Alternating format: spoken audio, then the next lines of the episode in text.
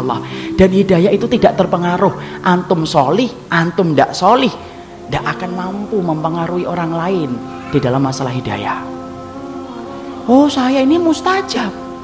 Wallahi kalau antum mustajab sekalipun tidak memberikan jaminan bahwasanya antum ketika meminta hidayah menjadikan Allah memberikan itu kepada orang yang antum minta. Kan apa? Hidayah itu miliknya Allah. Nabi orang yang mustajab doanya.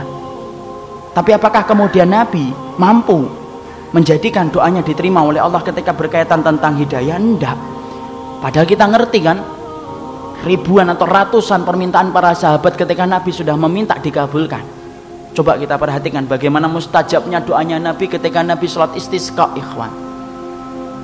Baru Nabi sholat istisqa, baru ngangkat tangan hujan turun.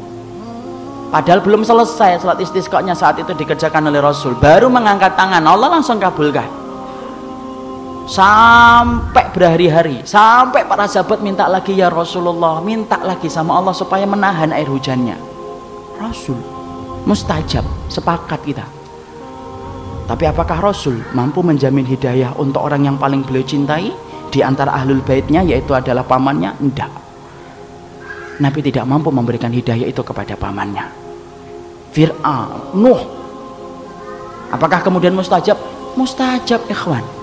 Kalau antum ingin tahu bagaimana doanya Nabi Nuh yang mustajab, perhatikan ketika Nabi Nuh itu selama 950 tahun beliau berdakwah, lalu kemudian akhirnya dia merasa kalah, kemudian dia diterangkan oleh Allah, Fada'a rabbahu anni maghlubun fangtasir. Fafatahna alaihim abwabas samai bima'imun bima'imun hamir.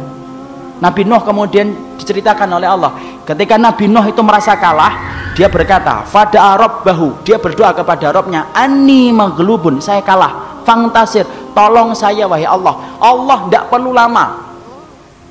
Allah kemudian menggunakan bentuk fa. Apa itu fa? Menunjukkan cepatnya langsung Allah mengabulkan. Kami bukakan pintu-pintu langit dan pintu-pintu bumi. Kemudian kami keluarkan setiap air dengan air yang kemudian menerjang setiap apa yang ada di hadapannya. Langsung Allah bayar kontan apa yang diminta oleh Nabi Nuh. Tapi lihat Nabi Nuh. Permintaan tentang istrinya dan anaknya tidak dikabulkan oleh Allah. Innahu laisa min amalisa. Dia bukan orang yang saleh Nuh. Sampai kemudian Nabi Nuh pun kemudian tidak mampu menjadikan istrinya dan anaknya beriman. Ini harus paham ikhwan supaya ketika antum berdakwah bukan antum yang memiliki hak prerogatif untuk menetapkan siapa yang dapat hidayah dan tidak.